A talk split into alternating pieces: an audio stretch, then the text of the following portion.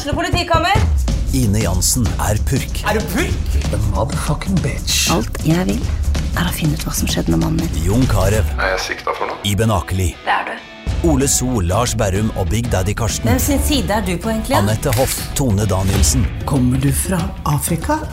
Jørnis Josef, Nesten. Kløfta. Trond Espen Seim, Det er synd å si det, men det var feil mann som døde. Purk. Premiere tirsdag på TV2 Play. Dyrisk desember med podkasten Villmarksliv. Hvorfor sparker elg fotball? Og hvor ligger hoggormen om vinteren? Og hva er grunnen til at bjørnebinna har seg med alle hannbjørnene i området? Svarene på dette og mye mer får du i podkasten Villmarkslivs julekalender Dyrisk desember, der du hører på podkast.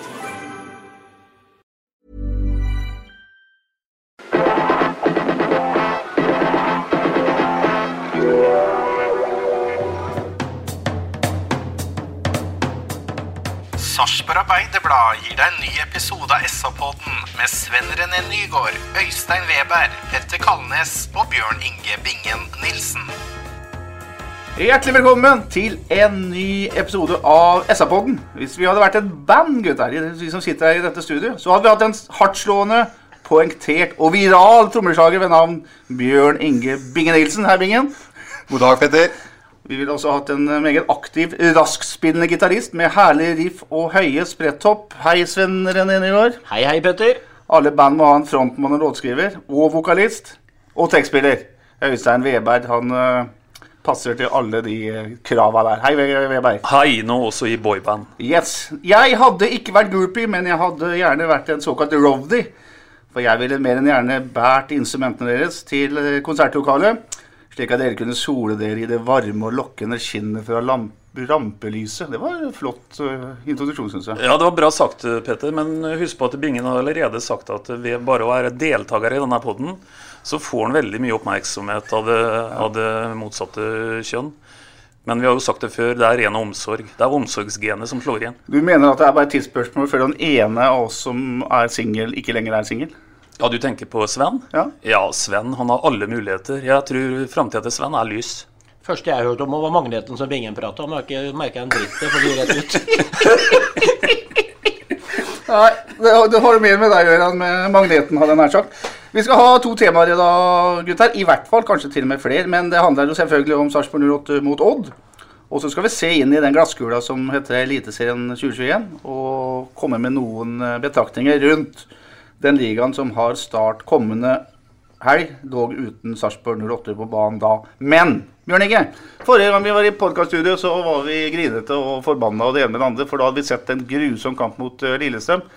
Nå har vi sett Odd eh, har store problemer med å skape noe som helst mot uh, Sarpsborg 08 på stadion. Hva er uh, hovedinntrykket ditt av kampen? Hovedinntrykket er at den første ti og den siste ti var eh, var det noe rart over. Resten av kampen syns jeg var solid gjennomført. Den første ti syns jeg det var dårlig tempo, dårlig bevegelse. Og plutselig ut av intet så, så satt vi laget. Og jeg syns jo eh, Magnar Utvik, eh, Nicolay Næss eh, Det er mange som står fram. eh, Og så er det siste ti når vi, vi, vi gjør en del bytter. Om det er det som er årsaken, vet jeg ikke. Men det er jo ikke til å stikke under en stol at eh, det ble litt sånn déjà vu til Stabæk-kampen for eh, to-tre uker siden. her sånn, og Vi kunne fort ha sluppet inn fra én til tre mål den siste ti. Og det er ikke noe bra. Helt enig, men Sven, hva er, eh, hvis du tar det positive, hva er den store forskjellen fra Stabæk-kampen, eller Lillestrøm-kampen og Odd-kampen? Nei, jeg, jeg syns for det første at alle gutta var mye mer på. De var påskrudde. Det var eh, et kollektiv. Det var eh, Organisasjonsmessig så var det Vi faller ned med en femmer. Eh, Vingbekkene kommer ned til de tre stopperne. Ligger i en helt rett ramme. Eh, fire midtbanespillere ligger foran der igjen. Så, så det er ja, altså Odd i sitt 4-3-3-system med indreløpere som kommer i, i fart, i medtak med baller, de fant jo ikke et rom. Så Odd fikk mye å tenke på før de skal møte Vårs eh, i forhold til hvordan vi lå defensivt. Og det syns jeg var strålende. Helt enig med Bjørn Inge i forhold til de første ti minuttene var dårlige, og de siste ti var, var dårlige. Men kampen sett over ett i dag, så må jeg si jeg fikk litt rett ifra forrige pod, for jeg husker jeg sa at vi var jo litt negative, og det hadde vi lov til å være. Men fotball er ferskvare, og i dag fikk vi se at det, det er ikke så langt fra helvete til himmel, eller fra himmelen til helvete. Det var, det var mye bra. Resultatet betyr selvfølgelig ingenting, Øystein, men det å vinne en fotballkamp, altså uansett om det er treningskamp, det, det må jo bety noe nå som det er like før? Ja, sånn sett så syns jeg resultatet betyr egentlig mye. Jeg skjønner hva du sier i forhold til at det ikke er noen poeng som deles ut, men resultatet betyr mye. Og jeg syns at det betyr mye å holde nullen bakover i dag. Men det er jo riktig som guttene sier her, at da er lykken nesten litt bedre enn forstanden et par ganger på slutten av kampen, som gjør at vi holder nullen. Eh, jeg jo fikk litt sånn déjà vu tilbake igjen til, til Stabæk-kampen i forhold til at vi, vi, blir litt for ukonsentrerte på slutten. Og det er jo bare tilfeldigheter til at de ikke setter inn i hvert fall ett mål, da. Mm. Men eh, det, det, tror det betyr mye å holde nullen bakover og vinne 1-0. Og jeg er enig i det meste som er sagt her. Jeg syns dette var en opptur. En opptur som faktisk var litt i overkant av hva jeg hadde nesten turt å håpe på etter, etter Lillestrøm-kampen. For det, da syns jeg det var helgrått. Men som sagt, fotball er ferskvare, og heldigvis for det. Mm. Bare for å rekonstruere litt, så er altså Sarpsborg i en 3-4-3-formasjon med Anders Kristiansen i mål, med Magna Rødegård, Bjørn Inge Utvik og Mikael Dyrestam i treeren bak med Suleiman Boyang, Niklas Næss, Anton Saletros og Joakim Thomassen i midtbaneleddet. Og med Mohammed Ofkir, Ibrahima Kone og Jonathan Linseth eh, framme.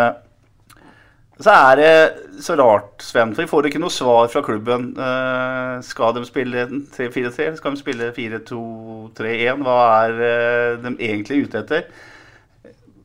De skal møte Odd allerede i sin andre kamp. Kan det være at uh, Stare spilte med tre bakere for ikke å avsløre hva han kommer med 25. mai, eller hva er det spillet Stare driver med? Nei, det, det, hadde jo vært greit å vite det. Eh, jeg må jo si det at når man spiller med tre bak, sånn som i dag, så, så blir det jo fem da stort sett hele tiden når vi ligger med etablert forsvar. Og det er klart at Han sier i hvert fall noe til Odd-ledelsen i dag, at dette laget her er ikke lett å bryte ned. Eh, han viser dem helt klart at det, at det er ikke rom til indreløpere som var innpå osv. Så, videre. så i dag syns jeg det var en taktisk genistrek, hvis du kan kalle det det. Hvis det er sånn at han skal spille med fire utover istedenfor tre. Så og han gjorde dette her pga. motstander i dag. Kanskje han gjør det også. At man varierer fra to systemer til hvem lag man møter. Odd i et 4-3-3, som man sier, så er jo ypperlig å spille med de fem etablert bak der. Og etter hvert som kampen åpna seg og Odd eh, gikk litt høyere i banen, så ser du at det blir rom. Det er eh, off-keer, finne mellomrom. Eh, første omgang så fant jo ikke vi så mye av dem heller.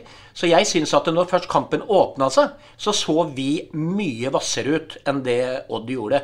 Eh, vi utnytta de rommene mye bedre enn det Odd klarte. Så jeg syns at eh, han fikk ekstremt mange positive svar i dag. Men tilbake til forsvarssystemet. Det er vanskelig å si. Men eh, han sa jo det på en, en sending jeg så på Eurosport, var det vel, at der, når vi spilte med de tre bak, dvs. Si skråstrek fem, så slapp vi jo inn minst mål omtrent i norsk fotball. Så, så, det, så, så, det, er jo et safe system mm. når ringbekkene faller ned. Mm. Men når ikke de gjør det, så er jeg ikke trygg. Eh, jeg tenker at dette her kan ikke ha veldig mye å gjøre med, med Odd 24. mai å gjøre. For hvis, eh, hvis eh, en her tenker at en skal fremstå veldig annerledes enn det en skal gjøre om hva blir det, 22, 22 dager, mm da mener jeg det er grunn til å kritisere at en velger Odd som treningskampmotstander. For når, eh, når, vi har en sånn sesong som i år, i forhold til at det er fem uh, kamper før uh, seriestart, da, da, er det fem kamper vi må bruke. Uh, og ikke, ikke, til noe taktisk spill, men for å få satt den elveren vi skal i størst mulig grad. Og så er det jo én ting til, eh, Petter, og det er jo at eh, jeg tror det er litt overdrevent òg, det der med å sjokke en eller annen motstander på et eller annet tidspunkt med at du skal fremvise noe så fryktelig nytt. Vi har vel erfaring med at de beste fotballprestasjonene i norsk fotballs historie, det har jo blitt kalt det begått av lag som eh, ikke kom med noe ukjent. Altså, Ta, ta Bodø-Glimt i fjor. Det var vel ingen som eh, ikke visste hvordan de skulle komme. Men allikevel så evna han ikke å stå imot. Da. Ja, Vi kan nevne Drillo, vi kan nevne Rosenborg, Nils Arne Eggen. Veldig forutsigbart. Ja, alle visste hvordan de spilte fotball. Men Bingen er ikke viktigere å få satt et system som man så man får relasjoner seg imellom. At, er, eh, at man liksom tenker på seg sjøl og ikke på, på motstanderen her. At, eh, at, man, at, man, vet akkurat hva man skal gjøre for noe. Jeg er overbevist om nå det systemet han spilte med i dag, det er sånn vi kommer til å spille nå. Vi kommer til å spille med tre kompakt, og så kommer vi til å falle med, med dem vingbekkene våre eh, defensivt. Jeg har bare lyst til å si at jeg syns det blir veldig lang vei for Kone til mål hver gang vi bryter. Og vi klarer å erobre, og så kommer vi med noen sånn sporadisk gjennom midten. Linseth kommer bestandig på helhjerta løp, men jeg syns Colné får fryktelig lang vei til motstanderens mål når vi bryter. Vi er kompakte bak, men det å forsvare seg til seier, da kommer sesongen til å bli lang. Det er mulig jeg er litt sånn at jeg pirker litt i nyrene, og at jeg syns det blir litt rann, uh, vel defensivt med den femmeren bak. Men jeg tror ikke vi kommer til å se veldig mye flere mål. Så lenge vi har wingbacker da som går til linja, og vi kommer med flere mann, og hvis vi da vender opp og spiller hjemover når hele laget er nesten komplett inne på motstanderens banehalvdel, da syns jeg vi ødelegger, ødelegger eh, angrepa. Og da har ikke vi spillere som er gode nok til det systemet som Stare skal spille med i den treeren han elsker å si at vi skal spille med bak, som i mitt hode er en femmer. Vi får for lang vei til motstanderens mål når vi erobrer ballen. Og jeg eh, ser at vi har eh, en rask eh, høyre wingback men det blir for mye hjem. Den ene eller de to gangene som han faktisk tar sjansen på og byr seg fram og kommer og slår ballen inn i feltet, så blir det faktisk veldig farlig i første omgang, og så blir det mål av det i andre omgang. Og Det er sånn vi må spille, men vi må tørre å utnytte overgangene. Ellers kommer Kone til å gå i dueller, kjempe med stopperer, og det blir svært få mål av det i sesongen som kommer nå. Det er min spådom. Og så er det også sånn, Sven, at det er jo I dag så skapes samtlige sjanser på overgangen eller på dødballer. Det også at bryter ned et, et, etablert forsvar er ikke Sarpsborg 8 spesielt gode til. Nå sier du at Odd hadde samme problemet mot Sarpsborg 8, men jeg ser ikke noe, noe, på en måte noe mønster i hvordan man vil bryte ned et, et etablert satt forsvar. Jeg synes det, det, handler veldig mye om kontringer, og det handler om dødballer. Ja da, det er sant. Og, og så er det, er det jo verdt å merke her også at når vi ligger i det etablerte forsvaret, så gjør vi jo ofte det for å hvile. Altså Med det presset i dagens fotball, sånn som Stare Villa-gutta, når de kjører høyt opp i press, så er det altså full spurt med Nicolay Næss som starter presset fra midtbaneleddet. Alle stuper på og feier til oppi, høyt opp i banen. Og det er der vi har muligheten til å kunne få et overtall, og der vi kunne få folk inn i boksen. Men som Bingen er inne på, når vi ligger med etablert forsvar med fem bak, så er vi jo med egen 16-meter med den femmeren, og da er det selvfølgelig lang vei opp.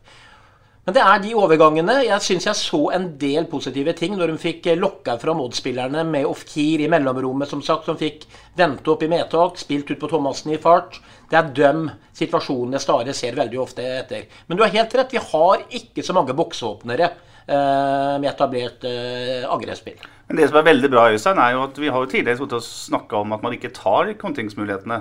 I dag så syns jeg det er så de tar så å si alle muligheter, så, så stormer det faktisk angrep. Ja, men så er det det med sluttprodukt som vi snakker om nesten hver eh, eneste pod. Og, og, der må vi bli skarpere. For det er klart at eh, det er, at det er fortsatt sånn at, eh, at det blir produsert samla sett for lite. Og nå vinner vi kampen i dag 1-0, men men uh, vi må være enda mer kliniske og nøyaktige og presise. Uh, la merke til Bojang, for å bruke det eksempelet. Uh, blir fremspilt av Anton Saletros i første omgang. Kommer helt nydelig ned til dørlinja, men det er altfor dårlig presisjon på den pasningen hans. Akkurat der og da så blir jo hele forarbeidet til Saletros bortkasta. Sånn er det jo i fotball. Den nest siste pasningen, den, den må sitte. Så um, jeg er enig i det at en eh, gjorde mange forsøk, men, men, det blir for lite sluttprodukt. Og det er vi nødt til også det er vi nødt til å forbedre. Jeg skal bare si en ting. Jeg er helt sikker på at vi kan fint spille til ti clean sheets i år igjen. For vi har jækla dyktige spillere defensivt som klarer oss å stå i det i, i duellspillet. Og i dag så syns jeg jeg ser både Utvik og Magnar bryter foran uh, deres uh, oppspillspunkt og spisser òg. Vi vet at de har gode, bra fysikk på dem, at de er sterke i lufta og bra, sterke i kroppen sin. Men jeg syns det var sterkt å se at vi bryter foran. Jeg uh, tror ikke Odd kommer til å kjempe på nedre halvdel. Jeg tror Odd med spillemateriellet sitt kommer til å være et lag som fort er topp seks, topp sju i år. Og jeg syns det var en god gjennomføring defensivt, men jeg ønsker å se mer offensivt. Jeg ser Nicolay Næss spiller jo briljant, stikker ut av den toeren sammen med Solet, Saletros og, og, setter press i, i midtbaneleddet. Vi har Linseth som går på løp og er jo fantastisk at det er han som dukker opp fra dyp midtbane på, den, eh, på det løpet sitt og setter det målet han gjør òg. Så det er veldig mye positivt i dag. Men jeg tror det skal bli tøft gjennom en hel sesong å spille på et eh, kompakt forsvarsspill og så gå for den der ene og andre målet, ett eller to mål i kampene. Det kan fort bli litt spett. For vi har et, eh, en solid spiss i Kone, men han blir veldig ofte for alene på topp der. sånn. Vi må finne ut hvordan vi skal få utnytta han på en bedre måte offensivt. Og det må vi gjøre ved å tørre å bruke ikke bare farta for å komme i posisjon på f.eks. høyre kant på Boyang, men han må stole på at han skal gjøre seg spillball, og at vi skal bruke han offensivt uten at han har null folk å utfordre foran, da er han god. Men han må også tørre å utfordre å komme til linja, og så slå den ballen knallhardt inn. Gjerne litt over bakken, for det er ofte mye ben og føtter som eh, demmer opp for et innlegg på, på, eh, på bakken. Vi må ha harde innlegg foran mål. Hvis ikke så må den komme 45, og så må du være helt på dørlinja. Da må det komme noen i dypet, sånn som Linseth gjør, og vi setter den inn. Det var glimrende av Bojang, glimrende av Linseth, og det var mange inne i boksen. Vi skal ikke se helt imot ifra Bingen, at vi har også spilt eh, Vi slapp inn to mot Stabæk, en kamp vi syns var grei. Eh, vi klipper inn to mot Vålerenga hvor eh, Petter sier vi blir avkledd, eller Bingen sa det da. Og det stemmer jo. Og vi spilte en grusomt dårlig kamp mot Lillestrøm hvor vi klipper inn to mål. Så det er jo noe med oss som har vært med i fotballen før. altså kan, jeg tror at vi kommer mer offensivt enn det vi så i perioder i dag. Men det er jo også viktig for 08 for gutta å sette et en gjennomført fotballkamp hvor man får en clean sheet og man er defensivt trygg og, og på en måte dra med seg den biten litt og ikke spille på for store sjanser der. fordi det er viktig for et fotballag. Vi, vi har sluppet inn litt mål før. Vi har sluppet inn to mål i alle de andre kampene. Og i dag så kan de også ha fått beskjed om i dag skal vi faen ikke gjøre noe tull. I dag skal vi gjøre. Men det som bekymrer meg, det er at når vi styrer den kampen her fra ende til annen i utgangspunktet, så skal vi vinne den kampen. Da gjør vi heldigvis. Men det tullet ti minutter før slutt, selv om vi bytter spillere. Der skal, mener jeg Stare skal stå og mane til kynisme. Vi skal vinne den, om det ser dritstygt ut de siste ti minuttene. Og så får vi tverrliggerskudd og heading fra fem meter. Det irriterer meg. Helt enig. Eh, jeg har nevnt målet. Vi kan ta, ta litt, gå litt nøye gjennom det. for Det er et sånn skoleeksempel, syns jeg, da, på en eh, kontring. Det er et press i midtbaneleddet som ender med at eh, Kone får ballen drar, døtter ikke et par mann nærmest og får ballen ut til en Bojang som kommer i 100. Slår et nydelig innlegg til en Linseth som er i bevegelse. Og akkurat som Bingen sier, det er flere blå foran mål der. Det er løp mot første. Det gjør at Linseth litt ut i banen får uh, en åpen rom. Legger den nydelig inn i hjørnet. Det er jo helt praktfullt. Og det var et par andre muligheter der og på samme måte. Jeg syns også det er veldig interessant uh, å se hva man produserer på corner. Altså, Det har vi også snakka om. at uh, I fjor så var det ikke farlig på corner i hele tatt. I dag så er det faktisk det flere ganger. Ja, og det skal vi nevne litt pga. at vi har nesten litt sånn latterliggjort hvor, uh, hvor uh, svake vi har vært på dødball tidligere her. Og vi har jo sluppet inn noen mål på dødball som har vært fryktelig å se på tidligere. Men, men spesielt på offensiv corner her i dag så er vi jo farlige. Altså Eh, vi får, jo, vi får jo mange cornerer som blir slått eh, hardt relativt lavt på første. Og det er ikke store marginer i dag som skiller at vi skaper mye mer farligheter på, på dødball. Så i dag så, så viser en tegn på at, eh, at, det kan fort være et våpen. Altså. Er det så enkelt Bingen, at man har henta en dødballtrener som heter Patrick Persson, og så har man hatt fokus på det, og så plutselig så blir man skumle? Ja, Det er vel han man helt sikkert skal tilegne at vi Det var jo ikke bare én eh, variant i dag, det var jo flere ja. varianter. Og det var jo nesten før det var gått ti minutter, både med Utvik og Magnar. Ja. Eh, og det var, eh, viste seg jo at vi var det var godt slåtte cornerer, og det var ikke tvil om at Linseth skulle fram et par ganger, og så stusse eller forlenge. Mm. Så det var flere varianter, og det er jeg helt overbevist om at det her har vært Nå har det vært stengt trening så lenge, så det er vanskelig å si hva som har blitt trena på. Men eh, det er jo ikke tvil om i mitt hode at eh, han eh, nye dødballtreneren har et ord med i laget, i hvert fall på det offensive her i dag. Absolutt. Og så er det hyggelig når du sier at de spesielt offensivt skapte sjanser. Øystein, hadde vært tråkig hvis de skapte sjanser i eget felt? Ja, jeg er enig, enig, i det. Nå skal jeg, bare, kan jeg bare kaste tilbake til deg, Peter. At jeg fikk en SMS her om dagen hvor du hevda at det vi kommer til å spille i år, det er et system som heter 4431. Mm. 44, og som blir 231. Har du aldri hørt om det? Og da svarte jeg tilbake det kan vi trenge, for det var etter Lillestrøm-kampen. Ja, så med burde vi ha 14 mann så burde vi på en måte hatt eh, Nei da, så det, det er riktig. Det er, eh, det, er, eh, det er, jo offensivt jeg hadde fokus på nå, og der syns jeg det var kraftig forbedring å se. Ellers er det jo viktig å si da at når Bojang kommer til det innlegget sitt som resulterer i mål, så er jo suksessfaktoren ikke at han tilfeldigvis der treffer en Linseth. Vi kan ikke forvente at han skal treffe igjen nøyaktig på fot, men at han traff ikke i boksen. Og at de kommer på litt forskjellige Altså de timer det litt forskjellig, for da har, da har en Bojang noen alternativer. For, eh, for eh, vi kan ikke forvente at en som kommer i maks hastighet mot eh, dørlinja, treffer akkurat perfekt på, på en pasning på 20-25 meter der.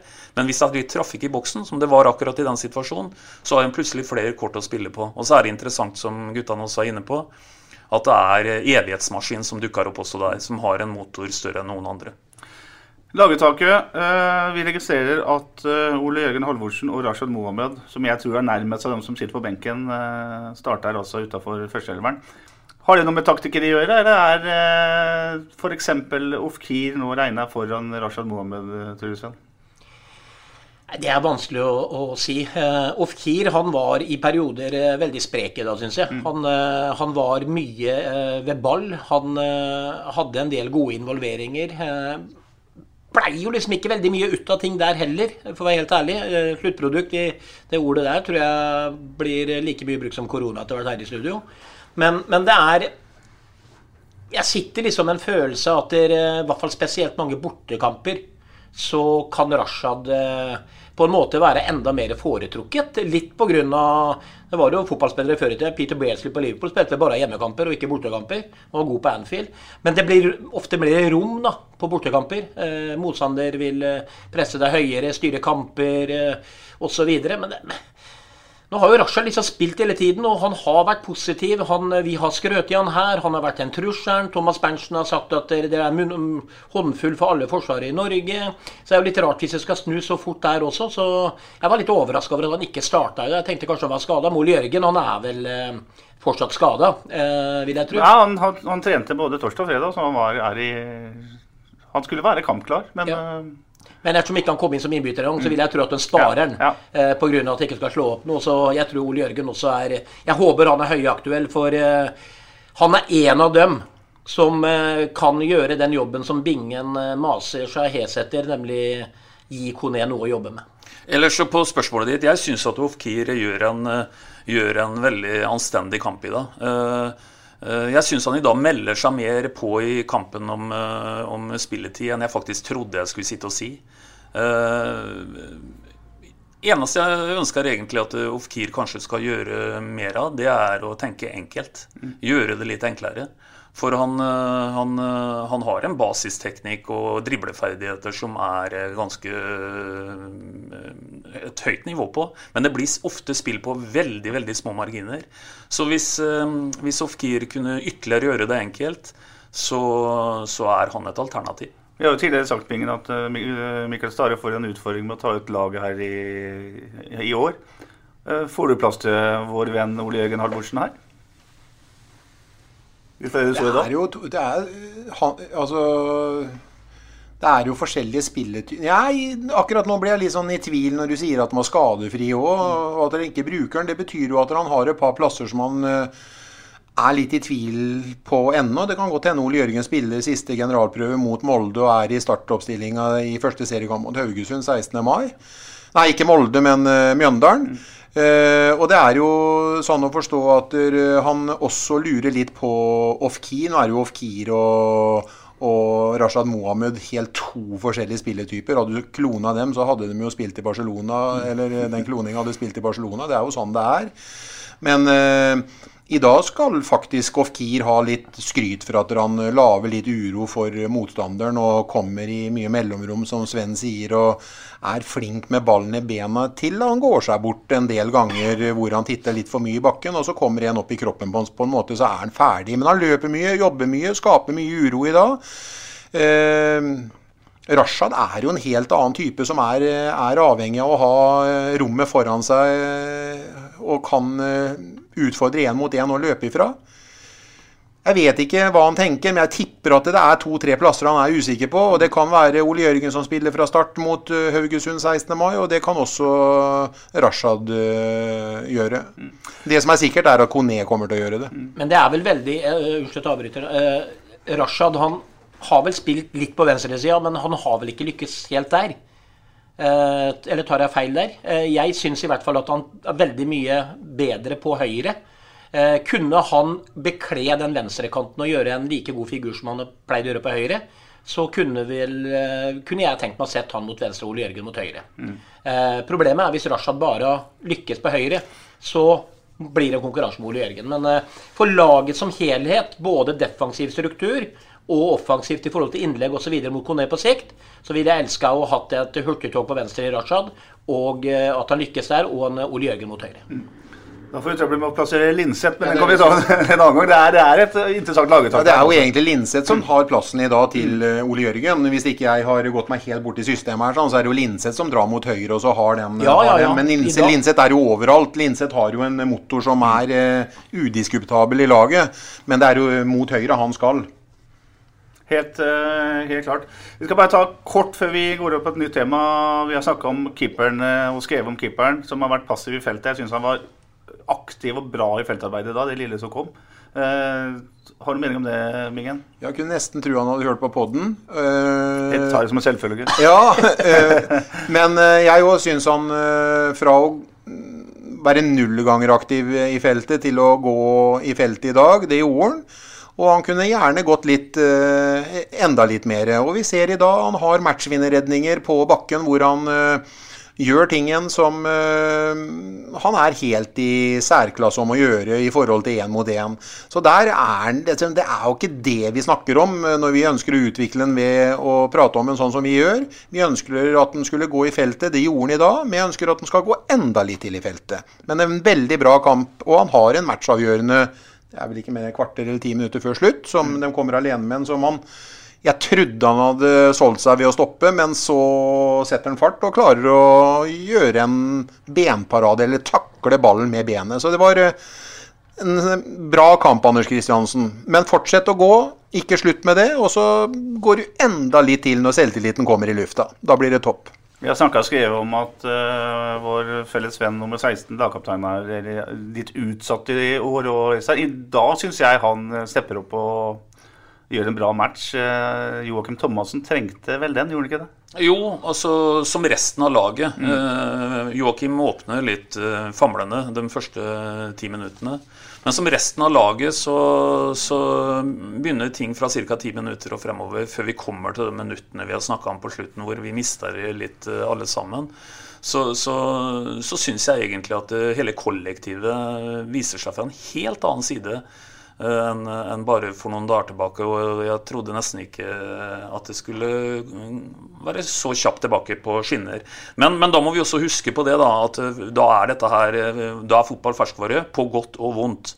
Så, så dette her er én kamp, og det er ingen grunn til å, å kalle det ta på noen som helst måte. Men, men det var veldig ålreit at, eh, at vi fikk en bekreftelse på at vi, vi har noe i Eliteserien å gjøre, for å si det sånn. Mm. Og vårt lodd her i livet det er jo å ha en sinnsstemning som svinger med fotballresultater. Det er jo sånn, uh, sånn er vi. Sånn er livet. sånn er livet. Bra, vi lar uh, Sarpsborg 08 Odd 1-0 være historie. Og skal vi se litt inn i en elitesesong som uh, starter kommende helg. Altså uten Sarpsborg 08, da, som har fått koronautsatt uh, seriestarten én uke til. Jeg har aldri vært med på å prøve å sette opp et tabelltipp som er så uforutsigbart som det her. Jeg syns det er utrolig vanskelig å begynne å plassere lag på, på de ulike plassene. Men jeg har lyst til å starte med et uh, bunnsjikt, gutter. hva tror vi om de lagene som skal kjempe for å overleve? Hvilke lag er det, først og fremst? Ja, øh, noe av det er antagelig ganske forutsigbart. Men i dag så, så vi et veldig rart resultat fra Drammen. Uh, det er en by som ligger 17 km og 1 meter, tror jeg, fra det studiobordet her. Som i Drammen i dag slår godset 6-1 på bortebane. Eh, jeg har skjønt at det er tilstander i godset som har vært krevende å håndtere utafor banen, men jaggu er det tilstander som tydeligvis tyder på at det har smitta inn på, på og gressteppet også. Så, så godset virker jo veldig vaklevorent. Det samme gjør jo annen, et annet lag fra, fra den byen, Mjøndalen. Så, så det, det, er to lag som, eh, som, eh, jeg tror kommer til å være nede i det båndsjiktet, eh, for å trekke fram to. Kan den rasismesaken og de følgene dere har fått med at sportssjef Jostein Flo nå plutselig har blitt konsulent, styrelederen har gitt seg, fått inn en ny styreleder som prøver å samle klubben, osv., osv., Sven. Sprer det seg så ut på, ut på banen at man plutselig taper 6-1 mot et førstedivisjonslag? Nyopprykka sådant? At det, at det noe har spredd seg, er jeg helt sikker på. Altså, det her er jo en grusom sak som ingen fotballklubb ville hatt hengende over seg. Og det bare det å miste en trener, eller miste Se seg nødt til å sparke en trener rett før seriestart eh, osv. osv. Kanskje grupperinger i spillestallen hvor noen irriterer seg på andre som har syns det her var ille, og kanskje andre syns det ikke var så ille. Altså, her er det murra ekstremt mye. Men så er det vel også en klubb da som heller ikke akkurat eh, har på seg gullbukser om dagen og kan pelle penger, dem heller. Så de er jo litt avhengig av å få i gang den stallen de har. Men at det skal spre seg så ille at de skulle tape 6-1 for Freisa, all ære til Freisa der. Men uh, det er klart, de vakler, men jeg tror de gjør veldig lurt da, i å ha BT og eh, assistenttreneren Han eh, glemte navnet på Bibelund. Ja, At de faktisk eh, bruker dem for alt de er verdt nå. Og noen vil vel også si at de håper at de eh, får jobben permanent for å roe rekkene. Så jeg tror at, dere, jeg tror at godset kommer til å være ganske langt ned. Men Drammen Eh, Strømsgodset Jeg tror de ror i land litt etter hvert her, så jeg tror ikke de eh, Men jeg tenker at det laget jeg tror kommer sist, det er Sandefjord i år. For jeg tror de får seg en ordentlig på trynet etter den sesongen i fjor. Og så tror jeg Mjøndalen, som da er rett borti svingen, da er det andre laget. Og så blir det heller litt eh, kniving om den kvaliken. Ja, Godt resonnert. Jeg har også med meg både Drammenslaget. Jeg tar med Tromsø, som ser tynne ut, syns jeg. Jeg er enig i at Sandefjord ser tynt ut. Og så er det et lag som har uh, store problemer. Det er uh, Brann, som har uh, Det ser ut som Kåre Ingebrigtsen og assistenten som heter Hoftun? Nei, han Nei, det Haugesund-treneren? Ja, ja, Rosenborg-treneren. Ja. Herregud, vi er gamle og husker Horneland. ingenting. Horneland. Jeg tror Horneland og Ingebrigtsen er veldig i tvil om hva de skal gjøre. Og jeg tar, med, jeg tar faktisk med Brann som et av de fem nede i båndsjiktet per nå. Er du uenig i det, Stein? Ja, altså Det eneste som er helt sikkert hvis du blir for detaljert, Petter, er jo at du tar feil. Altså, Det er jo noe av grunnen til at vi, vi driver og rammer inn dette her og prøver å lage noe midtsjikt og noe båndsjikt osv. Mm. For det er jo ingen som har truffet noen gang på noe, på noe tabelltips som fullt ut. Uh, og så er det en veldig spesiell oppkjøring. og uh, Når du sier Brann, så, så, trekker jo du inn at de har jo en rekke nå med relativt svake treningskamper osv. Da får vi minne om da at vi var uslåelige i treningskamper i fjor og tapte de fem første seriekampene. Så det er klart at her kan det, her kan det skje mye. Jeg tror Brann øh, ikke nødvendigvis er der at de er mer opp mot et midtsjikt. Men jeg er helt enig i det som blir sagt i forhold til Jeg var bare beskjeden og traff frem et par lag. Jeg hiver også Sandefjord på i den der gjengen der som kommer til å være, være nedi der. Og det er mulig du har rett i at Tromsø er, er litt for tynne i år.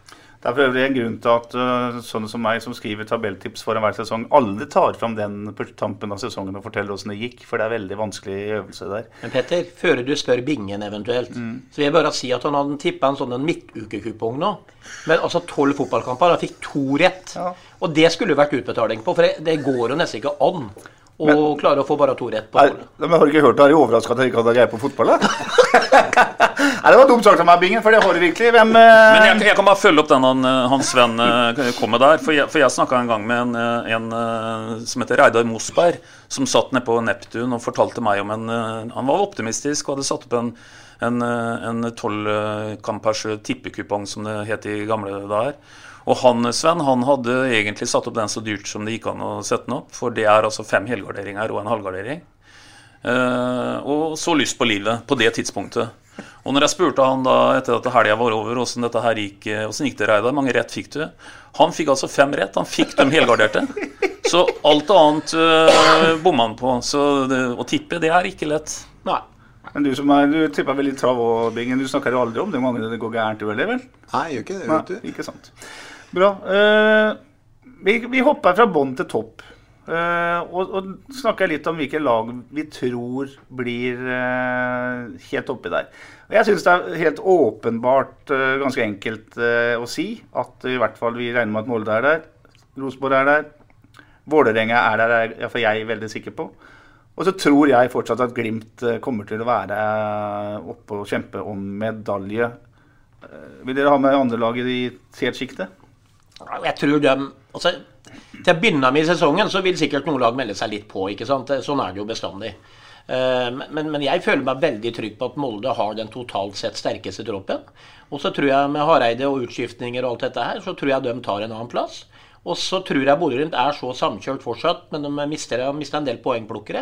Men at de tar tredjeplassen, og så tror jeg Vålerenga og Valle tar fjerdeplassen. Jeg, jeg, tror, jeg tror de fire står der til slutt, selv om kanskje det kan være noe overraskelse på begynnelsen. For det, åh, det er bredde i de stallene der. Og det er som jeg sier, eh, vi ser vi bytter noen spillere på slutten av kampen i dag, og vi faller i kvalitet. Mens de kan nesten bare bytte ut til fem-seks, og så er de like gode. Men Er Molde en egen klasse når det gjelder akkurat det Sven snakker om altså bredden på stallen?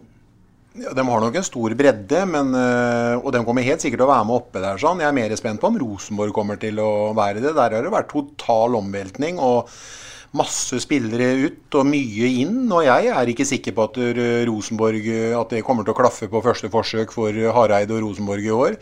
Men jeg syns det jeg har sett av treningskamper og resultater og det som laget til Fagermo og Vålerenga har prestert, skal ikke se bort ifra at de står igjen som øh, på første eller andreplass i år. Jeg syns det virker utrolig solid. og ser jo at de ønsker å angripe noe voldsomt hver gang de erobrer ballen. Og de er, øh, de er smarte defensivt, og de øh, kommer til å skåre mye mål i år. Og jeg, det jeg har sett av Lajoni, og så ser vi jo han på høyre, han Dønnum. Aron Dønnum. altså jeg vet ikke om vi har så mange som eh, bekler eh, de to plassene ute i banen så godt som eh, det Vålerenga har fått klaff på med de to signeringene der. Sånn. Så har de et skadefritt lag, så tror jeg faktisk de kommer til å bli livsfarlige i år.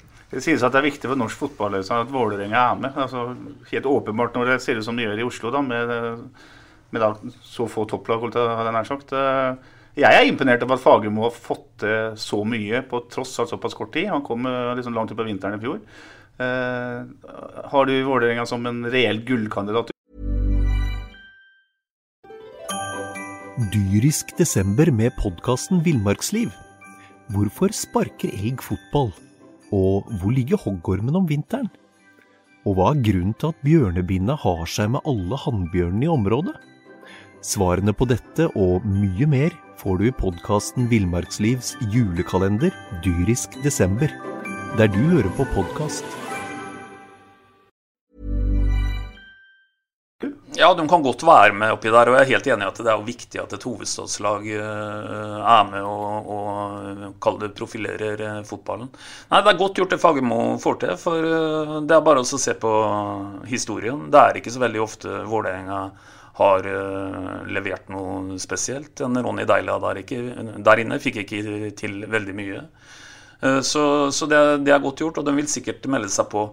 Jeg er litt mer usikker på om eh, Og da legger jeg ikke treningskampene til grunn, for treningskampene til Bodø-Glimt er også solide igjen. Men jeg nøyer meg med å si at hvis Bodø-Glimt havner på topp fire i år, så bare tar jeg virkelig av meg hatten. Eh, Da syns jeg det er helt, en helt fantastisk prestasjon, og det begrunner jeg bare veldig enkelt. Jeg tror Dette har jeg ikke sjekka, men jeg tipper at aldri i norsk fotballs historie har du solgt vekk mer poeng, eh, poengspillere enn det Bodø-Glimt har gjort fra 20-sesongen til 21-sesongen.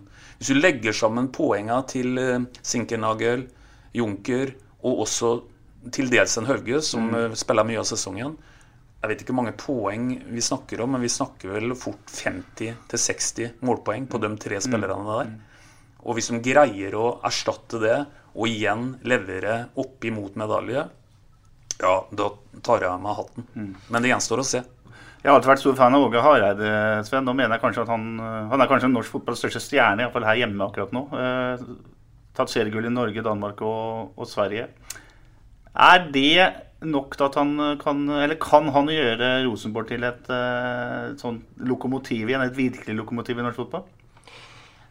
Jeg tror det, men altså, han må jo ha litt tid. Altså, nå har han altså, måttet kaste spillere ut. Han har måttet uh, Reginiussen f.eks. Han har innrømt jo det at det var grusomt å si at det ble ikke fornya kontrakt. Han tar upopulære valg. Eh, når han nå får rydda i stallen og ressurser til å hente etter hvert de spillerne han eh, får, så har han jo bevisst før at han lager gull av gråstein, og han lager gull av gode investeringer. så Det har han gjort i alle de landene du nevnte. Så hvis han får en par-tre år på seg, så er jeg helt sikker på at han kommer til å reise Rosenborg til å bli Norges beste fotballag igjen. Og når Bingen sa det i stad, at han ikke har tro på Rosenborg, at uh, må huske på det at hvis Rosenborg bare tar sølv, så er det litt mislykka.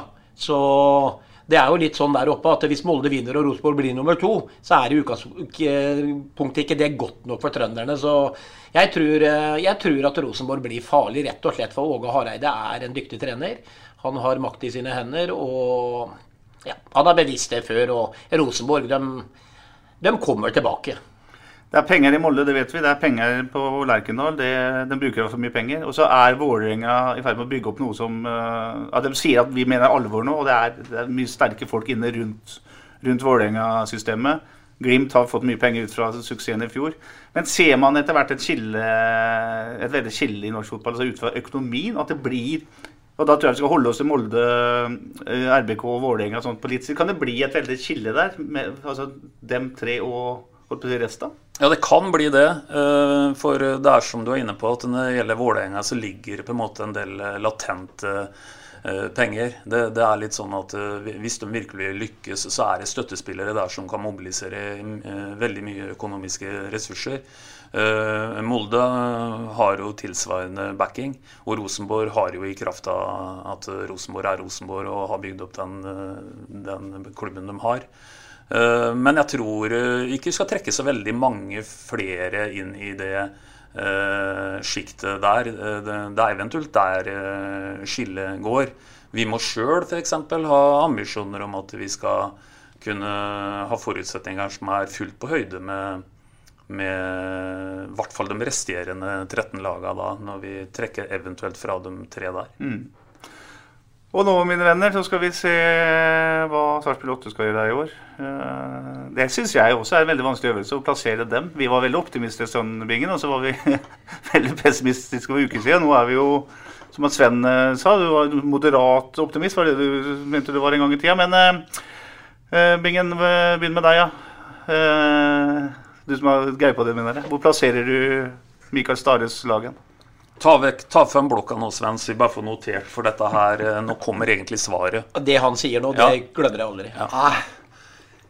ja, hvis vi eh, kommer på en sjette til åttendeplass, så er det sterkt. Men jeg tipper at vi kommer til å være rundt en Jeg er litt redd for at vi kommer til å skåre for få mål. Og holder det til en tiendeplass i år, så er jeg, eh, er jeg, fornøyd, og der er jeg enig med at de lagene som du sa tidligere i sendinga, de kommer til å være bak oss på tabellen. Da har vi hatt kniven på strupen i to år og fri oss fra det onde og la oss uh, komme på en uh, sikker tiendeplass. Da tror jeg jeg skal være fornøyd i år. Er alt annet enn en bunnstrid på en måte en suksess de to siste åra? Ja, altså Det spørs jo litt åssen du ser det. Hvis du, hvis du, bare går inn og så leser du historia, at du i 2019 eh, er en hårsbredd fra å gå ned, og du i 2020 er egentlig tilsvarende, så går det an å se det sånn at, uh, at uh, da er det et skritt fram, og, kan til og med kalles veldig vellykka det, hvis en, hvis en ikke blir dratt i noen nedrykksstrid igjen, og at en er på trygg grunn. Men så er det en annen side av det, og det skal vi komme litt tilbake til etterpå, Petter. Og det er at uh, når det gjelder det å diskutere hva som er bra og ikke bra i forhold til Sarpsborg som fotballby, så er det minst to tanker i hodet samtidig en må ha da. På den ene sida så er det veldig bra at vi går i gang med den niende strake eliteseriesesongen. Og det er faktisk bare seks andre klubber i Norge som har en tilsvarende rekord. det som kanskje ikke er like bra, det er at eh, når vi først har skaffa oss de forutsetningene vi har, altså vi har de midlene vi har til å f.eks. sikre oss eh, forsterkninger i laget osv., da må vi forvente at vi greier å forvalte det pundet der minst like godt som våre konkurrenter. Da står på en måte slaget der. Og jeg er ikke helt sikker på om eh, vi har vært best i klassen på, på det markedet der. Men men vi kan komme litt tilbake igjen til, til hvordan en ser på det. Men eh, så, jeg er litt eh, usikker på hva jeg skal svare på det. Men jeg heller litt til det Bingen sier, at eh, hvis vi her kan havne på en ja, åttende, niende, tiendeplass, så, så er, er det bra, det. Men Sven, hva er det som taler for at Sarpsborg 8 skal være høyere på tabellen i 2021 enn i 2020? Det, etter, etter, to og, og 2019, da, eh, to svake sesonger, så kan man nå plutselig ta et jafs på tabellen. Er, eh, hvorfor gjør vi det?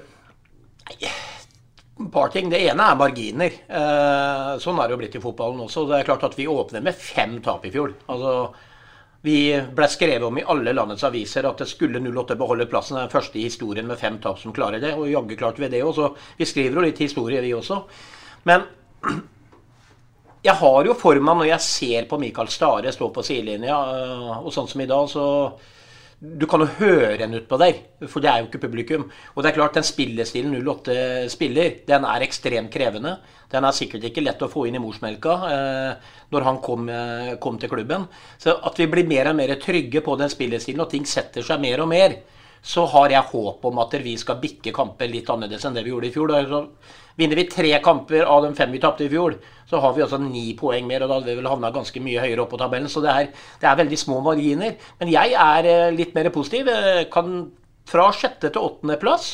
Eh, det kan være bingo. altså Det kan være et Viking, et Haugesund, også alle de lagene der Brann. Det kan skille et poeng, to-tre på kanskje tre-fire plasseringer. Men jeg har tro på at vi tar en eh, fra en sjette til en åttendeplass. Og jeg, jeg syns ikke det er negativt. Jeg syns, som jeg sier, ut ifra de forutsetningene vi har hatt de siste åra, så vil det være en sterk, sterk prestasjon. Og det vil bygge trygghet for laget til neste sesong. Vi var ikke i bånn, vi var en av midtsjiktelagene. Og dermed skal vi jobbe videre. Og så får vi se etter hvert da man eh, Vi har jo handla mye spillere som vi kommer inn på kanskje etterpå. og ja, det er viktig med bredde, men noen ganger så har jeg ønska meg litt færre spillere og litt høyere kvalitet, litt dyrere spillere.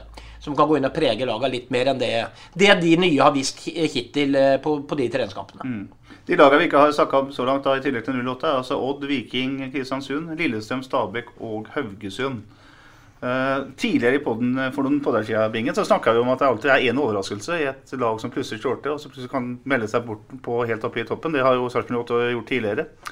Er det noen sånne jokere her som du ser? Kan eh, f.eks. Geir Bakkes Lillesøm være det? Ja, enten så var jo dem eh, veldig bra forrige søndag, eller så var vi så dårlige som både Stare og vi sa at vi egentlig var. Eh, dem kan selvfølgelig være det. Thomas Lene går vel, tror jeg, sjelden av en sesong, eller i sesongen i år uten å ha skåra en eh, åtte-ti mål, og hvis han skårer mer enn det, så er de jo et helt annet sted enn i, i båndsjiktet. For det er noen andre som kommer til å produsere mål på det laget òg. Eh, Kristiansund har jo vært flinke til å overraske de eh, siste åra. Kanskje de tar eh, steget et enda lengre steg. Haugesund tror jeg faktisk eh, ikke kommer til å gjøre det. Eh, Kristiansund kan være et lag som tar et enda større skritt. En vet ikke, eller har en vært over toppen? men for meg så syns jeg Lillestrøm-laget mot oss så veldig spennende ut. Så det kan hende at eh, Lillestrøm eh, har skifta ut og fått på plass løpsstyrke og hurtige gutter, sånn som jeg så det laget der var bekledd nå. Så kan det være et lag som eh, kan gjøre mer ut av seg enn å bare skulle overleve. Mm. Jeg syns Viking også ser, eh, ser, spennende ut. Når det gjelder KBK og Kristiansund, så har jo de i likhet med Bodø-Glimt mista masse offensiv slagkraft. Altså spisser som er borte. Pellegrino gjorde ved 25 mål, eller hva det var for noe. Uh, og Skiter uh, har slitt. Tapte 4-0 for Ålesund i generalprøva i dag. Uh, og tapte 3-0 for Ranheim for ikke, ikke lenge siden hjemme. Så døm, døm har ikke noe god følelse. Nei da, og, og, og de, de, vil garantert merke å miste Pellegrino. Det, det vil alle, alle merke. Men, men, det er klart at det, her, snakker vi om, om, som Sven er inne på, veldig små marginer. Nesten alle de klubbene vi nevner her nå, oser jo ordet midtsjikta på en måte. Og, og her kan en plassere dem Uh, I en normal sesong da, fra 4 til 13, nesten alle dem vi, vi, vi, nevner. Og det er som Sven er inne på, at det kan være, være 3-4-5 poeng her som skiller en 4-5 plasser, faktisk. Så tett kan det være, i hvert fall tidlig i sesongen. Så, så, så, så, dette kommer også til å dreie seg litt om å få en litt sånn kickstart på sesongen òg. Komme i gang, få noen poeng tidlig og få litt arbeidsro. Alt annet, med andre ord, stikk motsatt av det som skjedde i fjor. Det som kan være litt spennende, også, også, det har vi for så vidt ikke drøfta, da. Men, men, det er nok ikke noe spesiell fordel å uh, ha utsatt de to første serierundene for Sarpsborg sitt vedkommende uh, uh, med tanke på at det er egentlig aldri gunstig å ha så mye hengekamper, egentlig. Så, så, vi vil jo etter to serierunder eh, Det eneste som er helt sikkert, er at etter to serierunder så står Sarpsborg med null poeng. Selv om det da har spilt null kamper. Mm. Så enda viktigere sitter jeg og føler på at det i år blir å komme i gang og så ta noen trepoengere tidlig. For, å, for at det ikke skal være trykka noen tabeller rundt forbi hvor en er helt nedi der. For der vil en jo på en måte starte i året. Mm, for må vi starte, starte, med å jage nå? nå må, på mange måter, det. Ja, mm. Bingen, hadde du noe Nei, men det som Jeg ser jo en sånn progresjon. Jeg syns jo det er et steg i riktig retning i dag i forhold til treningskampene. Og det er jo helt heva over enhver tvil. Det var den fjerde kampen vår etter at guttene fikk lov til å begynne å trene med alle, alle på trening. og Stabæk, og så var det Vålerenga, og så var det Lillestrøm, og så var det i dag uh, mot uh, Jeg vet ikke hvem vi har spilt mot. Odd. Skien. Uh, så at den derre perioden uten fullkontakttrening for 08 har gjort oss noe godt, det er jo heva over enhver tvil at det gjorde det definitivt ikke. Og at det satte oss tilbake, det har det helt klart gjort. Så de laga som ikke fikk lov, sånn som Mjøndalens Gods, eh, Stabæk, oss, og så var det sikkert et lag til eh, det er jo heva over enhver tvil at vi har kommet skjevt ut i denne merkelige sesongen som eller oppkjøringssesongen som kommer til å bli i år òg. Og vi er skadelidende av det. Men vi får håpe at vi kommer godt ut av det i og med at vi ikke skal starte før den 16. 16. mai. Så eh, vi tar igjen det tapte, men eh, det var dumt at vi havna i den situasjonen som vi gjorde i forhold til eh, brorparten av laga i, i, i Eliteserien. Mm. Men, jeg, unnskyld, men jeg tror at det er mange som tenker de samme tankene som Bingen gjør der i forhold til sitt eget lag. Altså, her er det mange som har kommet uh, uh, skjevt ut. Altså Vi snakka om et Kristiansund da, som uh, har tapt med store sifre mot laget i divisjonen under. Et Brann som uh, får seg ørehenger. Vi har Godset. Sandefjord får ikke tak i noe som helst. Så det er klart at her er det mange mange lag som har kommet altså resultatmessig nesten skjevere ut enn Sarpsborg 08, i hvert fall sånn treningskampmessig. Ja, mye skjevere, egentlig. Ja, så jeg tror at den det blir fort sånn at mange lag nå bruker koronaen for det det er verdt det koronaen er skyld i ditt og skyld i datt. Jeg tror det laget som klarer å gi blanke svarte i den koronaen nå, og tenke at det som har skjedd, det har skjedd, ut med blanke ark. Og det syns jeg jeg så av dagens 08-lag i dag. De tenkte trygghet fra første spark på ballen, la seg litt bakpå, var organiserte, skaffe en trygghet i laget. Og så syns jeg jeg så den progresjonen utover kampen. Den slapp seg høyere og høyere. Jeg syns det var en nydelig gjennomført fotballkamp mot et bra fotballag som vi vet er der oppe. Så dette her tror jeg eh, Det oser trygghet etter den kampen her eh, for 08. Flott. Vi sier og tror at Sarpsborg havner et sted mellom 6. til 8. plass, 8. plass kanskje, og er veldig fornøyd med det. Bingen kanskje litt lavere. Skulle dere ikke høre på meg? Ja? Jo. 6. til, sjette til tiendeplass blir det. Det er veldig, det jeg skulle fram til å spørre deg om, Øystein. Er, jeg er veldig fornøyd med det. Det var for et fotballag midt på tabellen eh, som på en måte unngår å havne i et, i et bunnstrid hvis det blir det. Men er den gjengse, gjengse heter det, Sarpsborg 08-patriot, eh, stadiongjenger, tilfreds med det? Tror du? Ja, både og. Du finner dem som ikke er tilfreds med det, og du finner dem som er tilfreds med det. Eh, for det går an å argumentere for at det er veldig bra. Det går an å argumentere for at det da å i 2022 gå inn i den tiende strake elitesesongen er fantastisk bra. Det går an å fortelle gang på gang at eliteseriespill på gjenende ikke er noe selvfølge, og alt det greiene der. Men jeg skjønner også øh, den kritiske siden av det. For Sarpsborg har nå blitt en Kall det en eh, maktfaktor i norsk eh, fotball. Hadde et resultat også i 2020 som var eh, fantastisk mye bedre enn mange av dem vi konkurrerer med. Så forutsetningene har også blitt veldig gode. Og da må vi ikke dulle oss inn i en eller annen Vi må ikke blande dette her inn i at, at Sarpsborg ikke da skal kunne forvalte det pundet, som jeg sa, på minst like god måte som våre konkurrenter, og helst litt bedre, da. Så det må, det må ligge i bånn. Så jeg tror du finner finner en deling på det, om folk er fornøyd eller ikke fornøyd. Personlig så er jeg godt fornøyd med å havne akkurat midt på tabellen.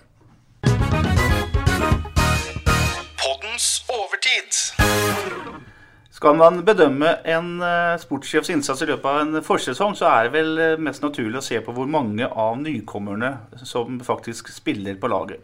I dag har vi altså sett den nest siste treningskampen til Sarpsborg 8 før seriestart, og kun én utespiller av de nye spillerne. Ibrahima Kone var på banen. De andre de satt eh, på benken, og i tillegg så er da Kristian Fardal Opseth eh, skada, som vi vet. Hva sier det om vinterens spillerkjøp, uh, Øystein? Altså, hvis vi forutsetter at, uh, vi forutsetter at dette var et toppa mannskap, og det høres ut som et premiss en må legge i bånn når vi spiller den nest siste kampen før serieåpning, så sier det noe om at vi har ikke henta godt nok. For det er jo ett fasitsvar på om du har styrka elveren eller ikke, og det er at du er ute på banen. Og det er jo riktig som du sier, av seks uh, nye, nå holder vi keeperen utenom, uh, av seks nye utespillere, så er det én som starta i kampen i dag. Og det mener jeg det er grunn til å i hvert fall dvele litt ved. Og så er det et annet faktum, og det er at ni av de ti som spilte fra start i dag, det er jo tross alt for et lag som har berga plassen så vidt de to siste sesongene. Så det er absolutt et eh, berettiget tema å ta opp etter. Bingen, både du og jeg har skrøtet skrøte av eh, rekrutteringsarbeidet i vinter. Men dem vi har skrytt av Thomas Berntsen har henta, dem er ikke på banen. Hva sier du om det? Nei, Når man tar forholdet til grunne nå, og at det er to uker igjen til seriestart, og vi skal kjøre inn et lag mot seriepremieren, så kan det virke som om uh, Berntsen og Stare ikke har snakka sammen om de uh, spillerne som Berntsen har henta. Jeg går sterkt ut ifra at det ikke stemmer, og at Stare har hatt en påvirkningskraft i det spillematerialet som har kommet inn dørene på stadion i vinter. Noe som jeg har syntes har sett eh, voldsomt spennende ut. Men når én da spiller to uker før seriestart, av dem som har blitt henta, hvis vi ser bort fra Anders Kristiansen, som skal være det soleklare førstevalget, så syns jeg det er eh, veldig, veldig snålt. Og hadde jeg vært Thomas Berntsen, så hadde jeg sittet med egentlig en litt sånn rar følelse i brystkassa over at det vi faktisk har signert, det er ikke godt nok til å forsterke laget som skal gå på, på i serieåpninga den 16. mai mot Haugesund. Det har aldri vært så få treningskamper, eh, Sven. Og kommer du ny til en klubb, så trenger du treningskamper for å eh, vise deg fram. Er det en årsak til at alle nykommerne sitter på benken? Det er ikke bare årsaken til det, men, men jeg syns man må ta med det i betraktning her. For som sagt, det kommer nye spillere. Eh, noen fikk jo nesten ikke komme inn i landet før for litt siden fordi det var regler på ting og tang. Og, og det er klart at dere, ni av de elleve som spilte i dag, som Øystein var inne på, de har spilt det systemet her eh, over tid. Eh, og de nye, de, de Altså, det har vært lettere for dem med elleve treningskamper, hvor de kunne fått spilt flere kamper, kommet mer inn i systemet osv. Så, videre. så det er klart at det er ikke noe fordel for å komme ny i en klubb hvor eh, koronaen har herja. Det er ingen tvil om. Det er alt har vært spesielt for alle, men ekstra spesielt vil jeg tro for de som er nye. Både i miljø, i systemer og alt. Så vi får håpe og tro at det òg er en liten del av dette. her sånn, Men uh, det er klart at det, Det er ikke alle som ser like vasse ut, spør du meg heller. Selv om jeg tror noen av dem eh, som satt på benken i dag, de vil bidra sterkt utover, håper jeg. Det er lenge siden eh, 08 la om eh, lønnspolitikken. Øystein. Det var jo en periode som eh, vi var veldig stolte av eh, Sarpsborg 8, som var moderate. De hadde en jevn eh, lønnspolitikk. altså Det var ikke så veldig stor forskjell innad i staden. Det er, den tiden er forbi. Men samtidig så man betaler likevel ikke de største lønningene. Er det på tide at man eh, tenker nytt? At i stedet for å hente seks spillere, så henter man tre, og de er dyre og garantister for å gjøre en forskjell ute på banen? Hvis, eh, hvis eh, svaret var det du legger opp til her, nemlig en slags garantist for at det ville gi et bedre sportslig produkt, så mener jeg at svaret på det er åpenbart ja. Det ville ikke gitt noe økt økonomisk totalbelastning, og vi ville hatt et sportslig utgangspunkt som var bedre. Og jeg tror at eh, vi må innse det, at eh, hele samfunnet er skrudd sammen sånn at eh, det er lønnsforskjeller. Og det tror jeg vi i hvert fall må akseptere innenfor toppidretten. Så jeg tror at tida er mildt sagt moden for å se på noe mer differensiering. For å kunne åpne for å hente det vi kan kalle, i hvert fall litt i anførselstegn, stjerner som krever noe mer honorar enn alle de andre. Flott. Det var dagens eh, overtid. Da skal dette sjarmerende boybandet gå ut i eh, sommersola. Den er sånn maisola. Bingen, Nygård og Veberg, takk for eh, praten. Vi prekes igjen etter Mjøndalen-kampen til uh, lørdag. Vi sier vel som vi pleier. Vi, prekes! Ha det bra. SA-podden presenteres av Fleksi. Regnskap med et smil.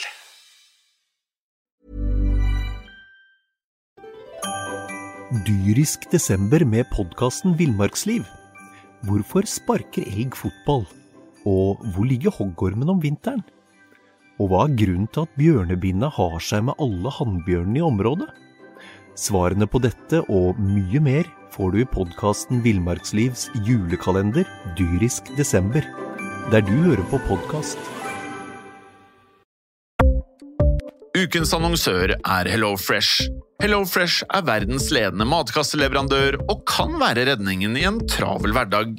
Mange av oss har nok vandret i butikken både sultne og uten en plan for middagen, som ender med at vi går for de samme kjedelige rettene gang på gang. Middag burde være dagens høydepunkt. Som HelloFresh kan du nå velge mellom 25 ulike retter hver eneste uke, eller få HelloFresh til å sette sammen menyen for deg. Dette gir deg muligheten til å prøve nye og spennende retter alene eller sammen med familien. Du velger antall porsjoner og får alt levert på døren på et tidspunkt som passer for deg.